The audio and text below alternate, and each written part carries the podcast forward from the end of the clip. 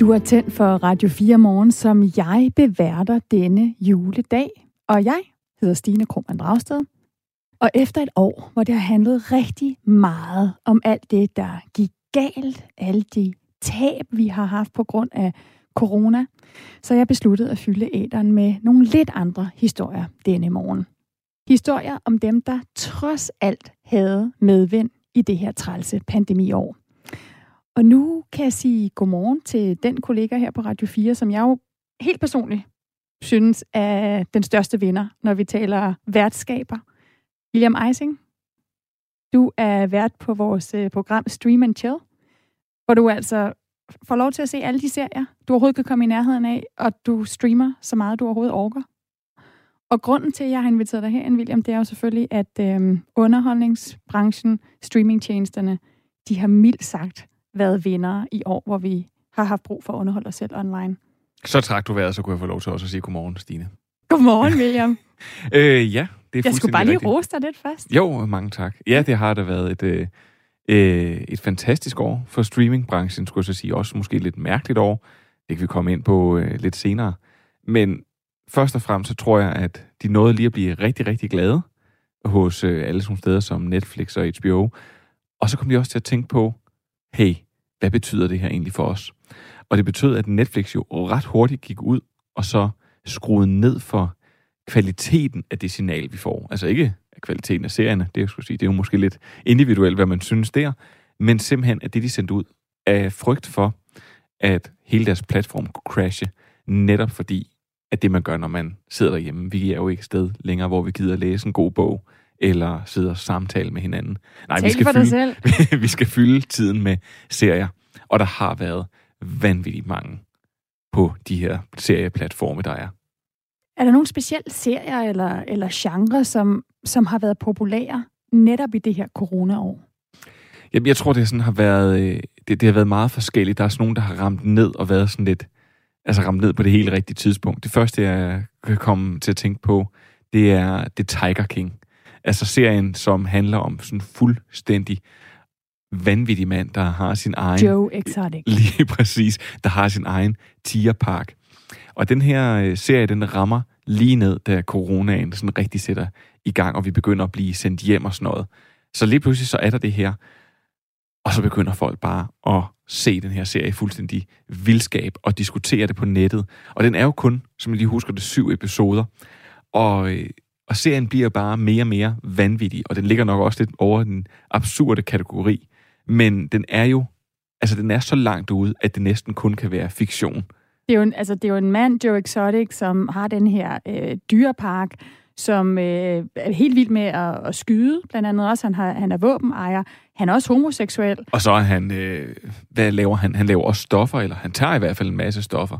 Han er i krig med, øh, med han er en anden i kvinde. krig med Carol Baskin, som har, øh, som har sin egen tierpark, og det... Som han mener har dræbt øh, hendes tidligere mand. Det er en fuldstændig... Ja, det mener øh, nok altså, også efter at se den serie.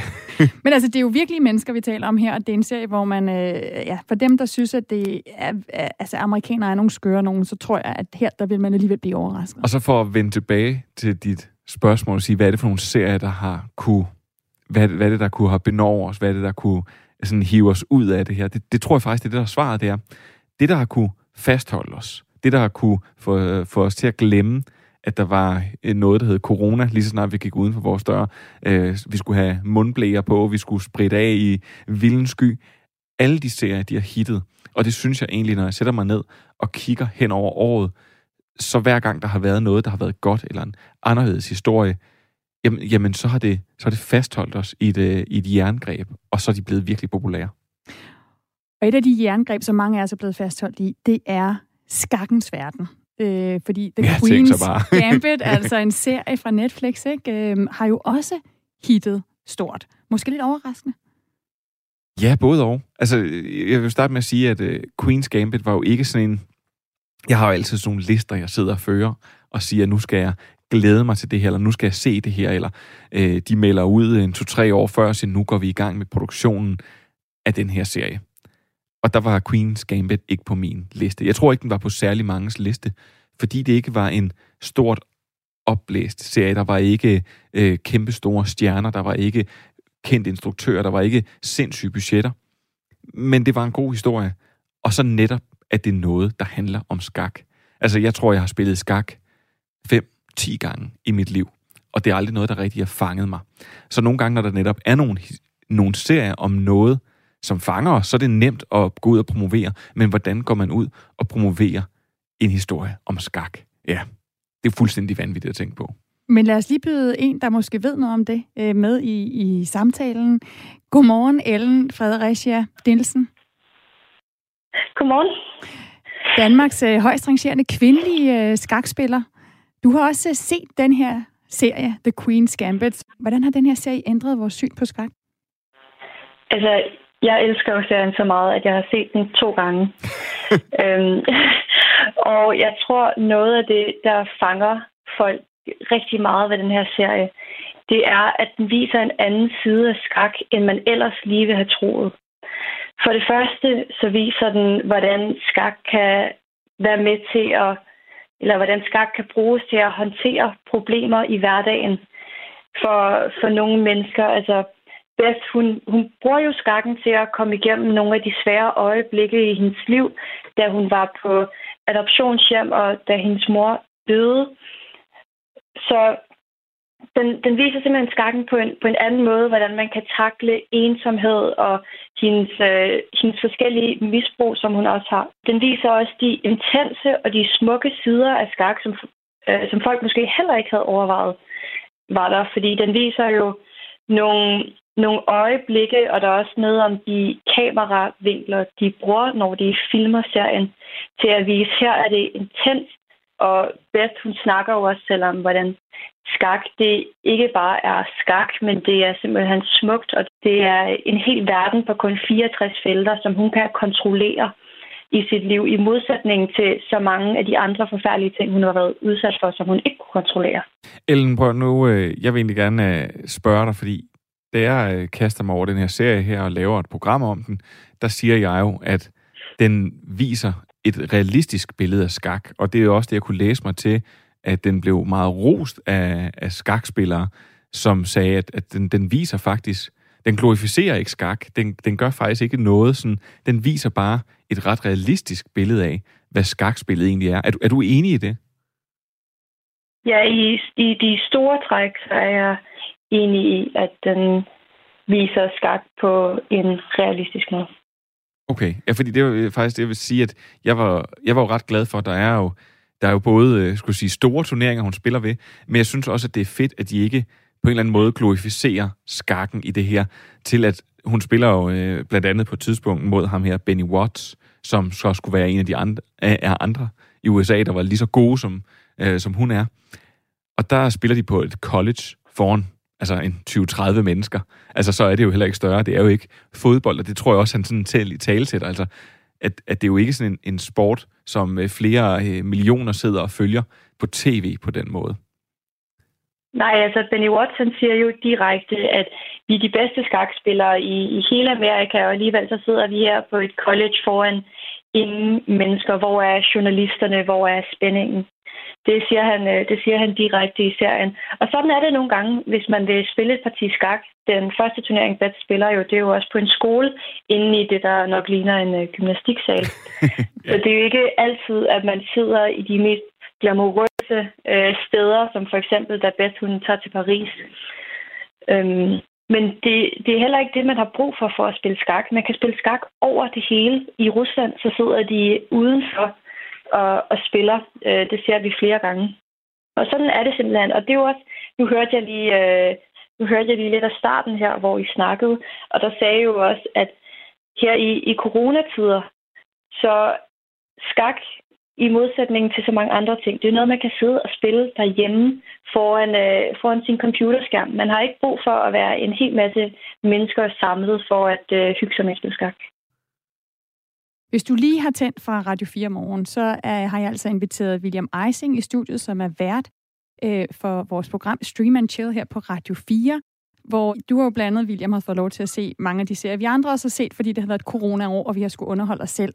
Og så har vi også Ellen Fredericia Nielsen med, som øh, er et stort talent inden for skak. Ellen, du er Danmarks højst rangerede kvindelige skakspiller, og vi taler om den her serie, The Queen's Gambit, som jo altså ja, handler om en ung kvindelig skakspiller i 1950'ernes øh, USA, som jo er noget af, af en, en underdog, som, som er for, vokset op forældreløs, men altså finder troen på sig selv i en verden, som jo man må sige øh, ellers er meget mandsdomineret. Hun holder fast i det her. Hun, hun brænder for selvom hun er anderledes end, end alle andre. Ellen Fredericia Nielsen, på trods af, at unge, succesfulde kvinder som dig er en del af skakkens verden, så er det jo en mandsdomineret sport. For eksempel så er der kun 4% af medlemmerne i Dansk Skakunion, der er kvinder. Hvorfor synes du, det er vigtigt at få flere piger til at kaste sig over skak? Jeg synes jo, som, øh, som pige eller kvinde selv, at det er utrolig vigtigt at få flere piger og kvinder til at spille. Og det er så, at for det første, så vil jeg jo gerne have, at, at folk ligesom kan se det smukke og forstå, hvorfor det er, at man går så meget op i skak. Men det er simpelthen også fordi, at man kan, man kan bruge skak på de måder, som serien blandt andet også viser.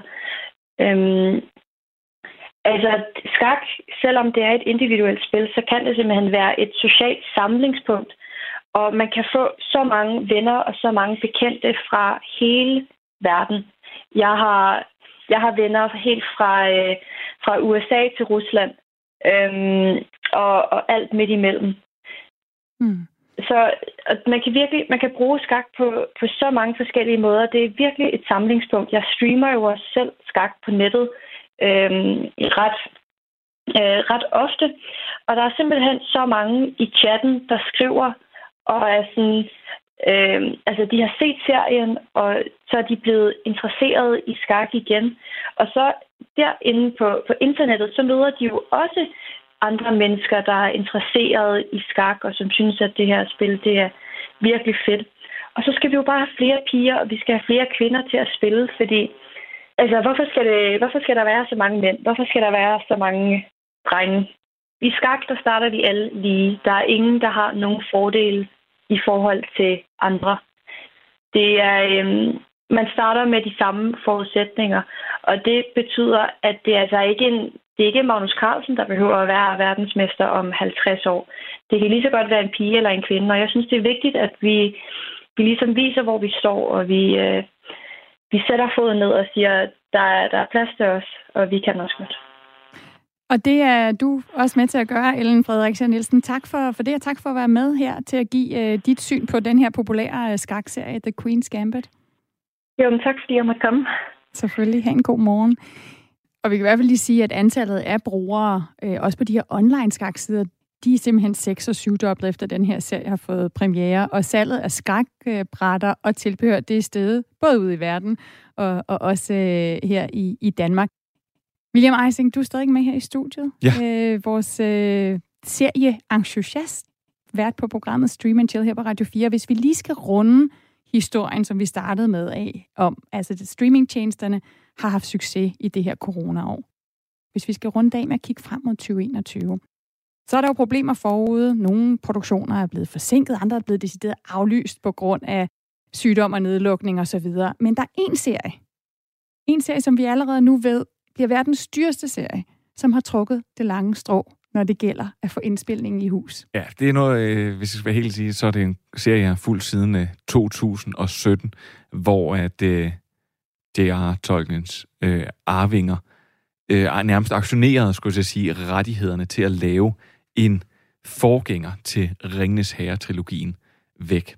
Og det blev, øh, det blev en kæmpe budkrig, hvor Netflix i lang tid skulle stå til at skulle få den men så overbød Amazon Prime med 250 millioner dollars alene for at få den her. Og det er altså, der kommer en Ringnes Herre-serie, og som det ser ud, så kommer den stadigvæk i 2021, fordi det skal den gøre. Det er de skrevet under på. Og De har også skrevet under på, at de skal bruge nærmest en milliard dollars på at lave øh, et par få sæsoner. Så det ser ud, som om den kommer. Og det gode ved det her er, at de har filmet den i New Zealand, der hvor Lord of the Rings-filmene oprindeligt også blev filmet, og det har gjort, at de igen har indtaget hele den her by, fået dem til at underskrive dokumenter, de her mennesker, der bor i byen og arbejder i byen, at de ikke må sige en skid om, hvad der kommer til at foregå, og de må ikke sige om, hvad for nogle skuespillere, der er der, eller noget. Og så til gengæld, så filmer de, jeg skulle sige, hele skidtet der. Og rygterne vide, at de faktisk er, er frygt for, at uh, corona øh, på en eller anden måde kommer til at have, eller at der kommer et kæmpe stort hul i markedet af det her store produktionsstop, som nærmest har varet et halvt år, ja, så er de faktisk i gang nu med at filme anden sæson, uden første sæson overhovedet har fået premiere. Så altså en Ringnes Herre-serie, der er lykkedes med at blive indspillet, fordi de valgte New Zealand, som jo altså er et sted... Ja, luk helt af. Ja, og som er et sted, øh, ja, måske ud over Danmark og Norge, hvor det faktisk, eller de klarer sig bedre end de klarer, også prøv, vi kan lige godt, vi kan lige godt sige, hvis, når du nu ja. hylder ting her, ja. New Zealand klarer det så godt, prøv det er, ja. her den anden dag, der så jeg fra et fodboldstadion, at de var fuldstændig fyldt. Altså, der var fyldt med mennesker. New Zealand, det var vindersted, hvis man vil indspille en serie i 2021. Og hvis man ikke vil have corona. Og færdes frit. Således ordene for Radio 4's egen uh, serieentusiast, William Eising. Tak for at være med her til morgen. Selv tak, Stine.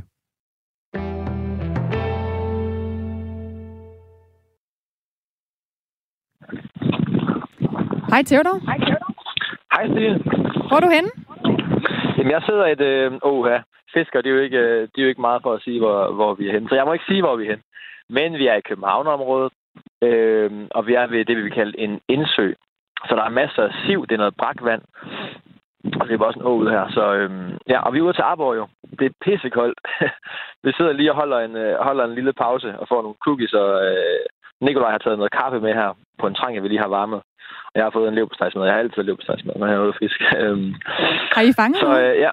ja, Nikolaj har fanget tre fine arbor, og de har været over 40 cm.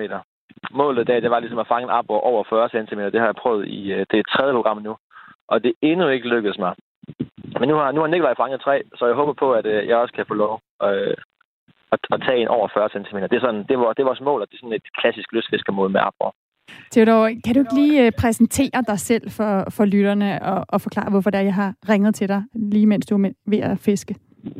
Jo, men jeg har jo øh, fået lov til at lave et, øh, et lystfiskerprogram øh, omkring ja, lystfiskeri øh, her, på, her på kanalen. Og, øh, og ja, det går jeg rigtig meget hygge med, og jeg får lov at fiske med alle mulige, øh, alle mulige begavede og fiskebegavede øh, mennesker, og jeg kommer ud og fiske øh, rundt i hele Danmark. Nu er jeg i København øh, i dag her, ellers så får jeg også fisket i Jylland og Vestjylland, og efter, efter jul skal jeg også en tur til Bornholm. Så jeg prøver at komme rundt og fiske, øh, fiske mange forskellige steder i Danmark, og det er efter de fleste fisk. Nu er det vinter her, så det er mest, øh, det er mest de øh, råvedende fisk, eller råvederne, der, øh, der ligesom hugger her. Så, øh, ja. så der er gang i gedefiskeriet og aborfiskeriet for tiden. Altså, jeg kan godt se attraktionen i at, at komme ud i øjeblikket. Det kan blive enormt klaustrofobisk derhjemme, og der er nedlukning. Mange af jer skal arbejde hjemme. Nogle har børn hjemme også. Men, men altså, hvorfor ikke bare gå en tur? Hvorfor skal fiskestangen med? Øh, jeg sidder også lige og tænker over lige nu, hvor mine hænder lige er sindssygt kolde, hvorfor det er så sjovt. Men jeg tror, at øh, der er noget fascinerende ved at komme ud. Øh, jeg synes, det er dejligt det med at bruge naturen. Det med, at man ikke... Øh, jeg synes, det med at gå en tur kan være lidt, øh, for mig lidt kedeligt. Det er også meget rart, men øh, jeg synes, der er noget fint at komme ud og for eksempel finde svampe eller finde fisk og få, få den med hjem. Så det med at, at, at bruge naturen aktivt, det giver i hvert fald øh, rigtig meget glæde for mig, øh, kan jeg mærke. Og så synes jeg især fiskeriet, at der er noget spændende øh, over, at man kaster sin avn ud, altså det, man fisker med ud i vandet, og kører det gennem vandet. Og så er der et eller andet dyr. Man fisker selvfølgelig efter noget bestemt. I dag er det arbor, vi fisker efter. Men det kunne også være en stor gedde, der hugget på, eller det kunne være en anden fisk. Så man ved ikke helt, hvad man får op fra det her dyb. Øhm, og det synes jeg også er, er fascinerende at komme ud i naturen og mærke naturen. Og i dag står vi også i, vi står i vaders herude, så man kommer også helt ud og stå, øh, stå ude i søen her, og på den måde bliver, bliver en del af naturen. Så det synes jeg i hvert fald er, er rigtig fascinerende og, ja, og dejligt. Du er ikke den eneste, der har kastet over løsfiskeriet i år. Øh, lidt, lidt tidligere, der ringede jeg til Christian Flinker fra Danmarks Sportsfiskeriforbund, som sagde sådan her.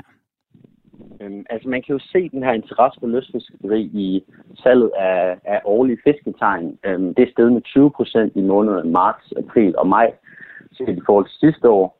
Og så har vi også, og vores medlemsforeninger, også haft en medlemstilgang, og der har generelt bare været flere spørgsmål omkring, hvordan man kommer i gang med løsfiskeri, og skal man have et fisketegn, og hvor kan jeg købe fiskekort i den lokale fiskeforening, og, og så videre. Der er altså rigtig mange, der er gået i gang med lystfiskeri. Theodor, hvor, hvorfor er lystfiskeriet eksploderet netop i det her coronaår?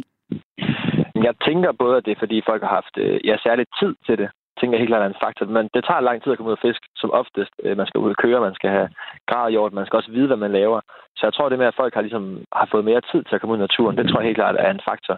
Så tror jeg også, at mange har fået, øh, det har jeg i hvert fald selv fået, når jeg sidder og læser det hjemme på værelset, sådan lidt corona at sidde inden for hele dagen. Mm. Jeg har altså ringet til Theodor Langston, som er vært på Radio 4's øh, fiskeprogram, som hedder Fisk, og som er ivrig lystfisker. Øh, og, og Theodor sidder altså og er i gang med at fiske på netop nu. Du sidder jo sammen med en anden øh, ivrig lystfisker, Nikolaj Korsholm. Kan du ikke lige prøve at spørge ham? Øh, altså, ham, har det føles specielt for ham at fiske i sådan et, øh, et år, hvor, øh, ja, hvor det føles lidt som om, at verden er lave? Jo. Nikolaj, øh, du er jo mere løsfisker, end, øh, end jeg skal lige sige. Du, er, du, du lever ligesom af løsfiskeri og, og har gjort rigtig meget. Du fortalte mig, at du særligt her i coronatiden har fisket, øh, fisket rigtig meget. Hvad har, hvad har du øh, mest gået efter, og hvad har det givet for dig, det her det corona-break? Jeg har fisket en del sådan... Øh, øh, jeg bor i Københavnsområdet, men har faktisk taget hele vejen til Vestland, fordi at øh, lige omkring det tidspunkt, hvor hvor coronanedlukningen kom, der øh, åbnede jeg også for, for fiskeri i åerne, så jeg prøvede selv at komme over og fange laks.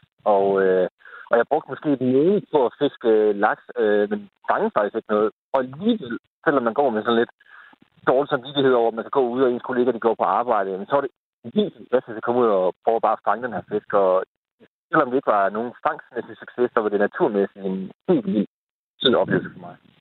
Har det, har det været et federe år, hvis man kan sige det? Jeg ved ikke, om man ikke må snakke sådan om, om, et fedt år i forhold til corona, men har det været et federe år, sådan rent fiskemæssigt, fordi du har fået, fået flere timer ved vandet? Altså, man får det næsten dårligt ved at sige det, men, øh, men ja, det har det faktisk. Altså, det har givet en mulighed for ligesom at ligesom kunne stresse fuldstændig af med, med, med det her. Man, man må ikke, jeg må ikke tjekke min mail, jeg må ikke gå på arbejde, jeg må ikke gøre noget som helst. Jeg må, det eneste, jeg måtte, det var egentlig tænke over, hvad, hvad skulle jeg bruge næste dag på? Og det var bare dag for dag. Øh, ud og fisk, øh, hygge sig sammen med nogle venner med god afstand. Det var den perfekte måde egentlig at, at følge coronareglerne på, ud i naturen og, og have det rigtig dejligt. Nu er der mange nye fiskere, der, der kommer ud og fisk, øh, og jeg har også selv kommet mere, mere ud af fisk. Har du, har du, har du fået flere fiskevenner? Har, har, du mødt, øh, har du mødt flere ud i naturen, som du er, ja, har, har fisket sammen med, eller blevet, blevet, blevet nærmere med? Jeg har i hvert fald fået mulighed for at øh, få nogle bekendtskaber, hvor jeg har mødt dem tidligere, og så har jeg nu haft mulighed for at gå ud og tage virkelig ud og fiske med den her, de her mennesker. Og der er jo flere af dem, der har også været under en eller anden form for coronanedlukning. Så det har været helt perfekt en måde at mødes ude i fiskevandet, øh, og så bare tage afsted og få nogle oplevelser sammen, fordi vi kunne ikke mødes med så mange mennesker, men de mennesker, man så mødes med, jamen, det var bare fantastisk. Så opbyggede man flere venskaber på den måde, og der er rigtig mange vilde fiskere ude. Man ser mange nye ansigter. Theodor Langston altså, og Nikolaj Korsholm, som er altså, ude at fiske lige nu. I vil ikke sige, øh, hvor I er, men måske, øh, Theodor, kunne du give et godt råd til, hvis der nu er nogen, der lytter med her og tænker, okay, vi er jo stadigvæk i gang med, med nedlukning og, og restriktioner mange steder i landet. Mm. Hvis man har appetit på, på at fiske, så at sige, hvordan starter man så? Øh, hvis man vil lave reklame for sit eget program, så synes jeg, eller det jeg prøver på i hvert fald, det er ligesom at, at tage sæsonen med.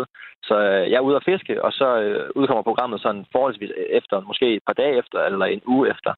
Øh, så en god idé kunne være at gå ind på, øh, på at høre mine programmer, og der er det tit en aktuel fisk, fordi fiskesæsonen svinger rigtig meget. For eksempel nu er der godt gang i fiskeriet, men man kan for eksempel ikke fange karpe, så det vil være dumt at starte med karpen. Så øh, undersøg, hvad for nogle fisk der er i sæsonen, for det svinger rigtig meget. Og nogle er nemmere at fange om sommeren, og nogle er nemmere at fange om vinteren. Øh, så find en fisk, der man ved kan hugge, og så øh, prøv at jagte den. Og så er der masser af øh, tips og tricks på nettet, og så er grejforretninger også rigtig søde til at give det rigtige grej, og de kender som, også, som regel også det lokale fiskevand ret godt. Således rådene fra Theodor Langston og øh, Nikolaj Korsholm, som altså var med at fiske. Og hvis du skulle få lyst til at prøve at komme ud og få noget på krogen, og måske har tid til en ny hobby nu, når nedlukningen er over os igen, så kan du altså tænde for programmet her på Radio 4, der hedder Fisk, som øh, Theodor er vært for. Du har tændt for en særudgave af Radio 4 Morgen, hvor jeg, Stine Krohmann Dragsted, denne julemorgen fylder æderen med historier om folk, der på trods af coronaen havde et fedt 2020. For eksempel lystfiskerne. På den anden side af nyhederne, der skal vi en tur ud i rummet, hvor der også var masser at juble over i år.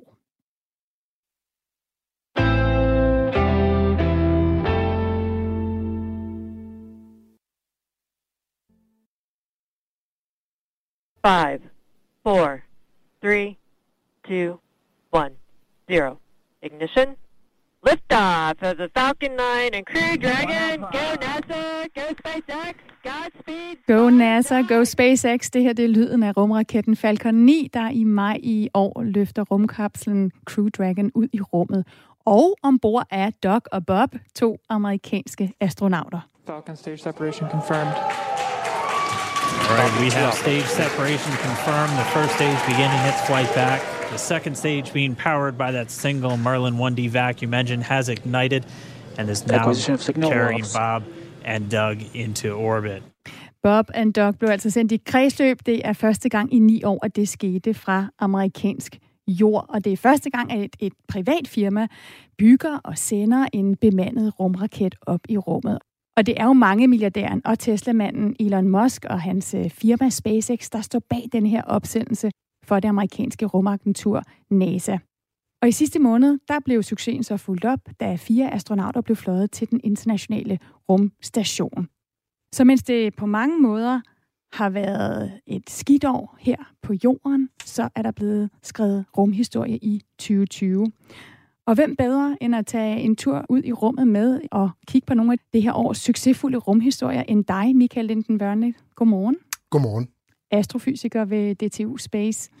Altså ud over Elon Musk og SpaceX, som vi jo lige kan vende tilbage til, hvad har årets højdepunkter så været inden for rumrejser?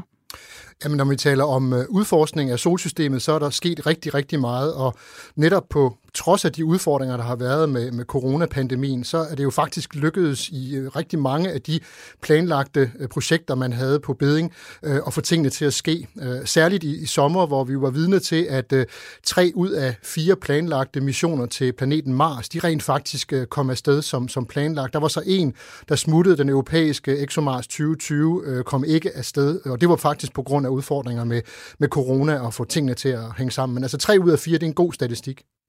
Og hvad for nogle af de missioner, der så der lykkedes, har du været specielt interesseret i at følge? Jamen, der er øh, visioner fra øh, flere lande. Der er fra de forenede arabiske emirater, der har sendt deres rumsonde Hope øh, afsted mod Mars, som er en sonde, der skal gå i kredsløb om planeten og øh, skal studere planetens atmosfære blandt andet. Øh, og der har vi fra DTU Space leveret navigationskameraer til den her mission, så derfor har vi selvfølgelig en særlig interesse i netop den øh, mission. Øh, og så kan man spørge sig selv, hvad skal et land som de forenede arabiske emirater på Mars? Men det er jo fordi, de har jo set, at vi skal snart til at holde op med at pumpe olie op af jorden. Øh, så de skal finde noget andet at leve af, når den tid kommer, og den kommer meget snart. Og der har de set, at rumforskning og rumteknologi, det er noget, der har et enormt vækstpotentiale. Noget, vi kunne lære af her i, i Danmark, kan man sige. Øh, Den anden mission, der er interessant set med danske øjne, det er den amerikanske øh, Mars 2020-mission, som indeholder den store robot, der hedder Perseverance, og så en lille mini-helikopter, en drone, som hedder Ingenuity. Øh, Og der har vi DTU Space leveret dele til et kamera til robotten, som hedder Pixel, som skal lede efter tegn på forhistorisk liv på planeten. Så det er altså de helt store spørgsmål, man har fat i. Øh, Mellem de to opsendelser, der var der også en meget ambitiøs mission fra Kina, øh, som sendte en sonde afsted, som både består af et modul, der skal kredse om planeten Mars, og så også et modul, der skal lande på overfladen, og som har en, har en robot med Tianwen-1, som den her mission hedder. Så altså tre missioner netop nu på vej til, til Mars, som vil ankomme efter planen i det tidlige forår. Øh, Perseverance-robotten øh, med vores udstyr ombord, den skal lande den 18. februar i 2021. Mm. Så hvis vi lige skal samle op på de her succeshistorier, hvor vi altså rejser ud og henter prøver til jorden fra rummet, så kan de altså betyde, at at vi får, vi får svar på, hvad om der har været liv på Mars. Jamen altså, i yderste konsekvens, så, så, så ja. Øh, for det er sådan, at nu har vi jo med flere missioner til Mars øh, kigget efter vandens historie på planeten, og har fundet ud af, jamen der har været flydende vand på, på Mars. Mars er i dag en kold og tør planet, hvor der ikke kan være flydende vand på overfladen. Atmosfæren er simpelthen for tynd. Men undersøgelser viser helt tydeligt, at Mars tidligere har haft en tættere atmosfære, der har været flydende vand på overfladen, og der har været betingelser, der gjorde, at liv kunne opstå. Så det næste store spørgsmål det er selvfølgelig, er der så opstået liv på Mars? Og måske endda findes der stadigvæk liv på Mars. Men det, som Perseverance-robotten skal, det er simpelthen at finde tegn på forhistorisk liv på planeten ved at finde ud af, hvad er det for nogle aflejringer, der er i de, øh, de sten og de klipper, som man kigger på. Og de sten og klipper, som er særlig interessante, de bliver lagt i små prøvebeholdere. Man har 39 små prøvebeholdere med, hvor man kan lægge særlig interessante prøver ned. Og så er det planen, at man i senere missioner i de kommende år øh, vil sende rumsonder op for at hente de her prøver til, tilbage til jorden, så vi kan studere dem i stor detalje i vores øh, laboratorier her på jorden. Mm. Hvis vi så vender blikket imod det her års øh, succes med at sende mennesker ud i rummet. Vi startede lige med at høre, hvordan rumkapslen Crew Dragon blev sendt op med rumraketten Falcon 9. I år lykkedes det jo altså NASA og SpaceX at flyve mennesker op også til den internationale rumstation. Michael Linden Børne, prøv lige at forklare, hvorfor det er så historisk. Altså de sidste årtier har rumstationen jo fået besøg af hundredvis af astronauter fra mange forskellige lande. Jamen, øh, det der er det revolutionerende her, det er, at øh, det er for første gang et privat firma, der løser hele opgaven. Altså, det har altid været de store amerikanske og udenlandske firmaer, som har bygget raketter og rumskibe, men det har typisk været rumagenturerne, som for eksempel NASA, der så har overtaget driften af dem. Men det nye her, det er jo, at firmaet SpaceX står for hele opgaven, ligesom de har gjort siden 2012 med at sende fragt op til rumstationen, øvrigt sammen med et andet firma, Northrop Grumman. Øh, så de sender fragt op, men nu sender de altså også mennesker afsted, og det er også planen, at det amerikanske aerospace firma Boeing skal, skal gøre det samme. De er bare blevet lidt forsinket i deres, deres testprogram. Men det, at man simpelthen har, kan man sige, som man siger på godt nudansk og moderne managementsprog, outsourcet opgaven, det gør jo så, at NASA kan frigive ressourcer til andre projekter, altså at komme til månen og til Mars. Og det var jo noget, der blev startet tilbage i 2009, da Barack Obama lige var tiltrådt som præsident, hvor man initierede det her program, som skulle ligesom overdrage de her opgaver med at sende fragt og besætninger op til rumstationen, og det er så blevet realiseret øh, nu. Mm. Og nu nævnte du lige den amerikanske producent af flyvemaskiner og rumfartøjer, Boeing, som jo også har kontrakt med NASA om at fragte astronauter op til rumstationen, og det skulle være sket i år. Men altså på grund af problemer med Boeings rumfartøj Starliner under øh, testflyvningen, så, øh, ja, så er den første bemandede afgang blevet udskudt. Altså Boeing er jo ellers sådan gammel af gårde, når det gælder rumfartøjer, mens øh, SpaceX og Elon Musk er, er ligesom den nye dreng i klassen. Hvorfor blev det SpaceX og ikke først Boeing, der fejrede de her bemandede flyvninger?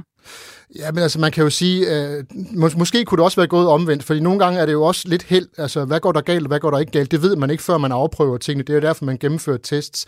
Men det man jo kan se i hvert fald, det er jo, at øh, SpaceX, øh, de har jo nået rigtig, rigtig meget i den tid, de har været i den her branche, øh, og det har de jo ikke mindst takket være Elon Musk, fordi Elon Musk er jo et fyrtårn, han, har jo, han er jo en mand med en vision, han, alt hvad han laver, det handler jo grundlæggende set om, at mennesker skal bo flere steder i solsystemet, og Mars har han jo fokus på, han vil gerne have, at vi bosætter os på, på Mars. Så den vision, den gennemsyrer jo hele hans organisation, øh, og, og han er jo en særpræget person, som, som jo alle kender. Altså jeg tror, gå ud og spørge 100 mennesker på gaden, hvem er øh, direktør for Boeing? Det er der nok ikke ret mange, der ved, hvis overhovedet nogen.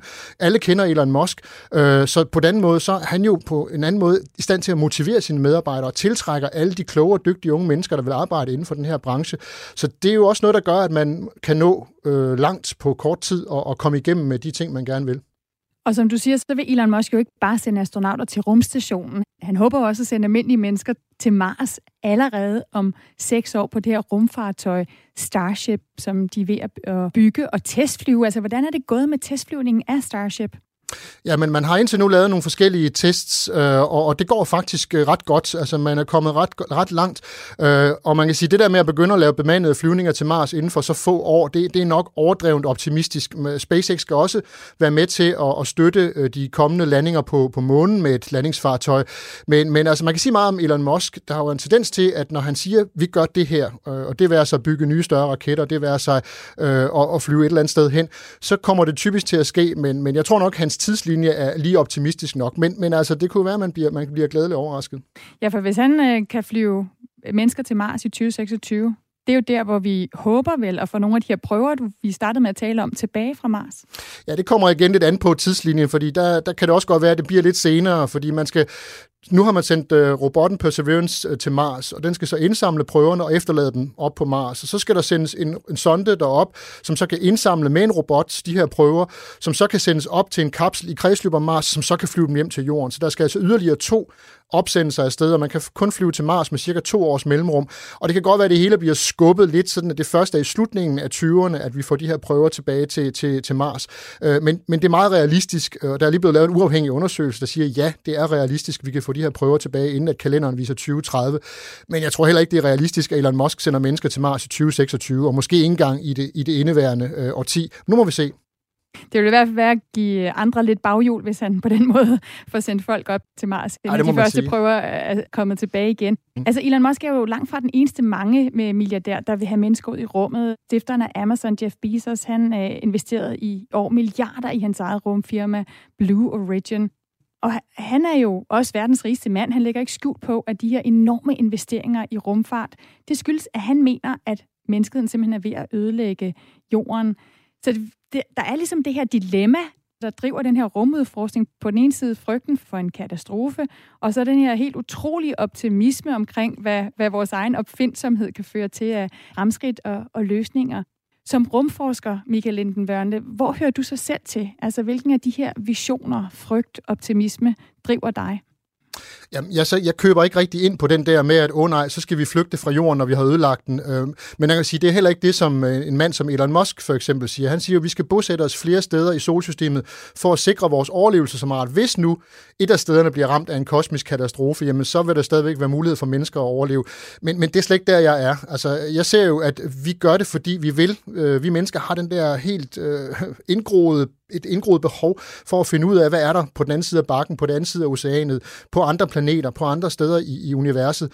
Så, så det er en helt naturlig drift for os. Det er den nysgerrighed, der gør, at vi på godt og ondt når dertil, hvor vi når. Øh, og, og det er det, der driver værket.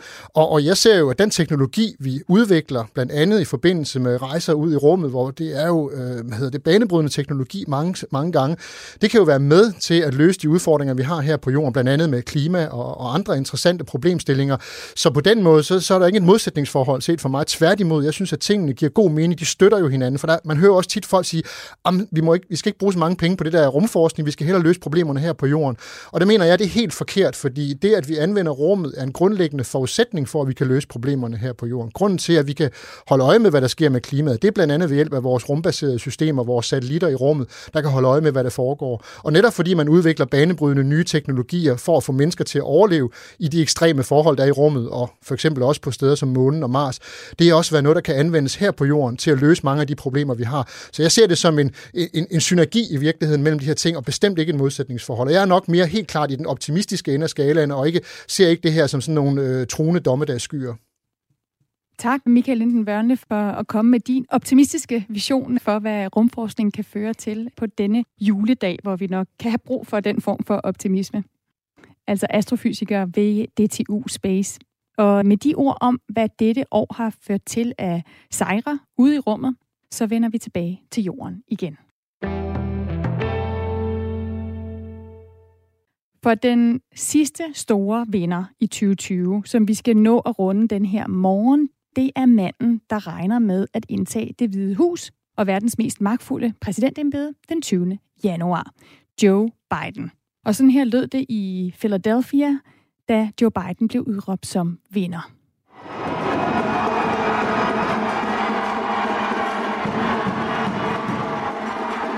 Godmorgen, Anders Savner.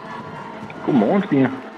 Chefredaktør på netmediet kongressen.com og jo også forfatter til et væld af bøger om amerikansk politik og amerikanske præsidenter. Anders Savner, hvis vi lige rejser tilbage til starten af det her år. Vi skriver januar 2020. Hvor meget tippede du så på, at Biden ville blive årets største vinder i USA? ja, det var godt nok ikke ret meget, hvis overhovedet noget. Altså, lad os huske hinanden på, at øh, da 2020 startede, og det kan jo selvfølgelig ligge langt tilbage nu, det er før corona, men på det tidspunkt, der går det af pommeren til for Joe Biden. Altså han sejler rundt i det ene dårlige meningsmålingsudgangspunkt øh, efter det andet. Hver eneste gang, der er tv-debat mellem de forskellige demokratiske præsidentkandidater, så får han altid store stry. Øh, enten af Kamala Harris eller Pete Buttigieg, eller hvem det nu er, han øh, har fået ørerne i maskinen af. Og i det hele taget, så ligner det mest af alt en kampagne, som har mere end almindelig svært ved at, øh, at forvinde sejlene. Så nej, jeg vil nok ikke have sat ret mange øh, penge, hvis overhovedet nogen, på, at Biden øh, skulle være vinderen, hvis vi havde taget den her snak tilbage i begyndelsen af år. Han vandt jo, og det, øh, det er jo ikke første gang, at, at Joe Biden altså forsøgte at øh, vinde præsidentembedet i USA. Og jeg synes jo, at det, der gør Joe Bidens sejr i år så enormt fascinerende, det er, at det langt fra var oplagt, at tredje gang skulle være lykkens gang for Joe Biden. Altså, han har jo stillet op i alt tre gange, og i modsætning til de første to gange, hvor Joe Biden stiller op, han er sulten efter magten og indflydelsen, så virkede han, som du også siger, Anders Agner, han virkede ikke engang, som han helt selv troede på sit eget kandidatur den her gang. Men hvis vi lige skruer tiden tilbage til 1988, så lød det jo sådan her, første gang Joe Biden han stillede op. In 1988, the clarion call for my generation is not, it is our turn, but rather, It is our moment of obligation and opportunity. Ja, altså budskabet fra min generation er ikke, at nu er det vores tur, men snarere, at vi føler os forpligtet til at træde til, lyder det altså fra øh, en ung Joe Biden, da han stiller op i, i 1988 han ser sig selv som ung og karismatisk, måske endda som en ny øh, Kennedy Anders Agner. Han, han har en yndig familie, han har en, en dramatisk historie over at, at overkomme tabet af, af hans første kone og deres lille datter, øhm, og, og rejse sig bagefter. Hvad, hvad er den vigtigste grund til, at Biden ikke bliver en succes i 1988? En af de væsentligste, det er, at, øh, at hans kandidatur simpelthen render ind i nogle, øh, i nogle ret store vanskeligheder, samtidig med, at, øh, at demokraterne i det hele taget er, øh, er på herrens mark på det tidspunkt. De aner simpelthen ikke, hvad de skal stille op. Altså, vi skulle på, på det her tidspunkt, der er øh, Ronald Reagans tid i det hvide hus ved at være færdig, og, øh, og han er ved at give råpinden videre til, øh, til sin vicepræsident George W. Bush. Og det er altså på et tidspunkt, hvor at republikanerne grundlæggende bare har virkelig, virkelig godt fat og, øh, og har fat i magten, og hvor at øh, demokraterne ikke rigtig har kunnet finde fodfæste i de forgangne år, Joe Biden inklusiv, og øh, det bliver sådan lidt småforkølet, det han, øh, det han prøver på. Altså jeg vil sige, nu du nævner Kennedy, altså det er jo rigtig tydeligt, altså når man hører det, den bid, vi lige har hørt her, hvor øh, mandens inspiration kommer fra, og, øh, og hvad det er for en parallel, han prøver at, øh, at opbygge med at sige, men nu er det vores tur, en ny generation af ledere må træde frem på scenen osv. Det gik ikke rigtigt, øh, som det skulle, og det endte også med, at han, øh, han lagde sit øh, kandidatur øh, på, på hylden ret hurtigt i, øh, i 88, men ikke, ikke lagde sin præsidentdrøm på hylden, men i hvert fald bare lige fandt ud af, at det var nok i 88, det skulle være.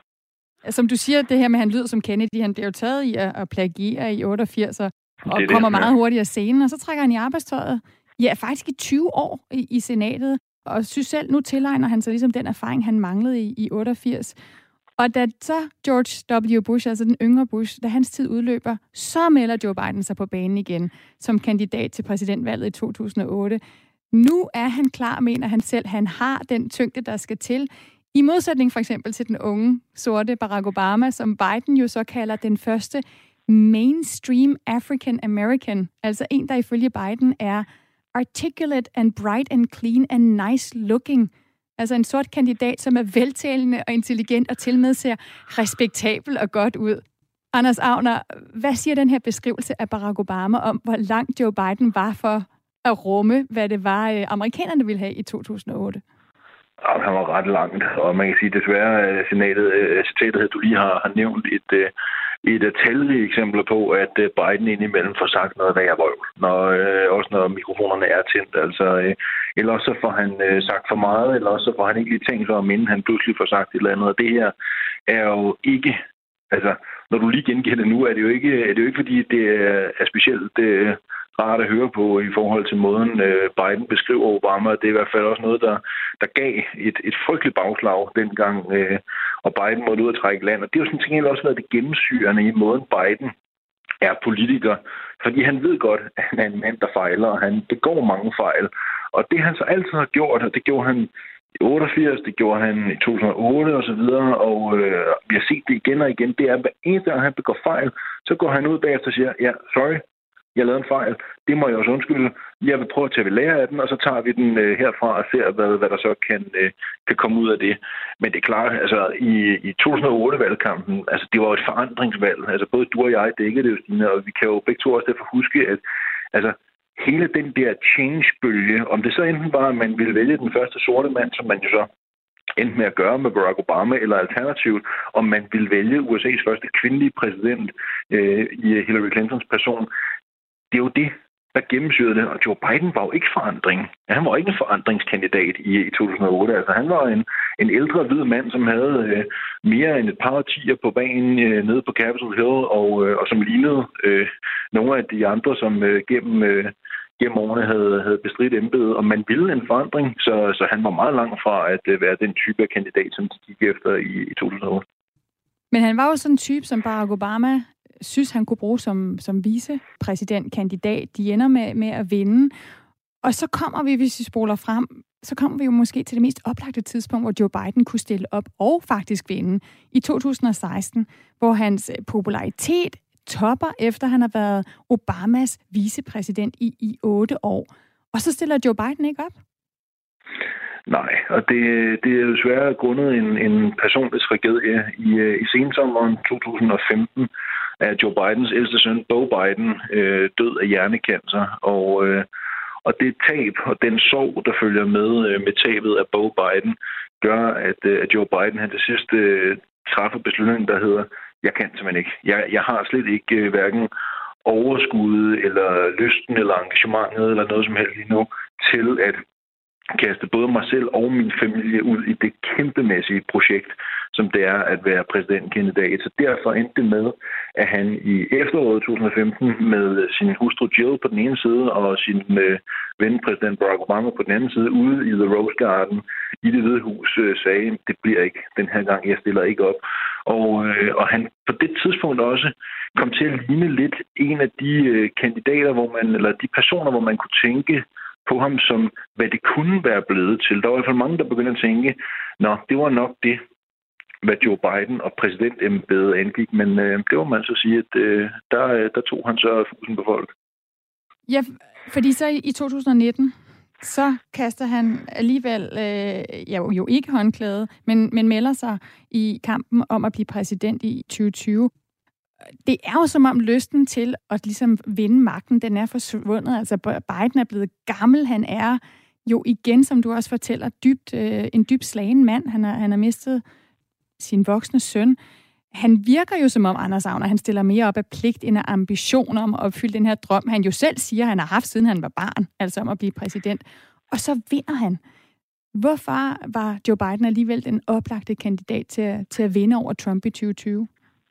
Jamen, det blev han jo øh, lidt, øh, lidt hurtigt øh, i, øh, i kølerne på, at det ellers var startet jammerligt for ham. Altså, det var gået dårligt ved det første caucus i Iowa, og han havde fået læsterlig tæsk i New Hampshire. Altså, det gik så dårligt, han blev nummer 5 i New Hampshire til primærvalget, sådan at han ikke engang var i New Hampshire på primæraften. Han var allerede taget videre, og øh, hans firewall, der hvor han havde set for sig, at vendepunkter skulle komme, det var nede i South Carolina ved øh, primærvalget dernede. Og på det tidspunkt, inden de nåede South Carolina, der havde Bernie Sanders altså spillet lige op med Pete Buttigieg i, øh, i Iowa. Dernæst havde han så vundet både i New Hampshire og i Nevada, hvor efter at øh, det demokratiske ledelsesudgangspunkt øh, blev meget, meget bekymret og tænkte, åh, oh, oh, nu må vi godt nok hellere skynde os, fordi hvis ikke vi får, øh, får gjort noget ved det her, øh, jamen så ender det med, at Sanders render med det hele. Så i al hast nedlagde alle de andre kandidater stort set deres kampagner og, og endorsede Joe Biden og samlede dermed resten af partiet rundt om ham, og så fik han vind i sejlen, og så vandt han, som sagt, i South Carolina, og begyndte også øh, på baggrund af Super Tuesday og så videre, at ligne manden, som, som partiet samlede sig om, samtidig med, at Bernie Sanders gik ind og sagde, okay, det er fint, jeg skal have noget for at hjælpe dig, men jeg vil dog godt have, at det bliver dig, Joe, der ender som USA's præsident ved valget, her til, øh, til november, end det bliver fire år mere med Trump. Det kan jeg simpelthen ikke øh, øh, forlige mig med den, øh, den tanke. Så det var det, der ligesom gjorde, at partiet pludselig skyndte sig at samles rundt om ham, og derefter så også hjalp ham øh, i fællesskab hen til at, øh, at være den her udfordrer til Trump, som rent faktisk kunne, øh, kunne besejre ham. Jeg vil så sige, jeg tror også, man skal tage med i ligningen her, at en fuldstændig fejlslagen håndtering på Trumps side af corona kom jo så også til at spille en rolle. Men det er klart, kombinationen af de ting, jeg lige har nævnt, og så det faktum, at der i det demokratiske bagland var et så stort og så dybfølt ønske om at komme af med Trump. Jeg tror, netop, det er meget vigtigt det her med, at det er lige så høj grad ønsket om at komme af med Trump, mere end det måske er ønsket om at få Biden. Det var så bare det, der var alternativet. Men det er jo ikke fordi, at folk derude står og råber yes we can en gang til over, at man nu har Joe Biden som kommende amerikansk præsident. Det, de måske mere af alt gør, især hos demokraterne, det er, at de ligger an til at ånde lettet op og tænke, at øh, nu kommer der det mindste en præsident, der tror på videnskab og som taler ordentligt og som opfører sig ordentligt og som de måske føler, at de kan have øh, nogenlunde tillid til, har, har styr på, hvad, øh, hvad han laver. Anders Agner, chefredaktør på netmediet kongressen.com. Tak for at være med til at fortælle om Joe Bidens alle gode gange tre. Det var slet, og god jul. God jul. Ja, og altså også om øh, manden, der med sine 78 år bliver den ældste præsident til at sætte sig i det ovale kontor den 20. januar. Joe Biden han overgår Ronald Reagan, som øh, var 77 år og 349 dage gammel, da han forlod det hvide hus i 1989. Altså det år, hvor Joe Biden allerførste gang håbede, at han kunne have sat sig i præsidentembedet. Denne særudgave af Radio 4 Morgen lakker mod enden. Den 28. december, der er jeg tilbage med en ægte Radio 4 Morgen, hvor vi serverer dagens nyheder. Jeg hedder Stine Krohmann Dragsted. Tak fordi I lyttede med. Nu er der nyheder.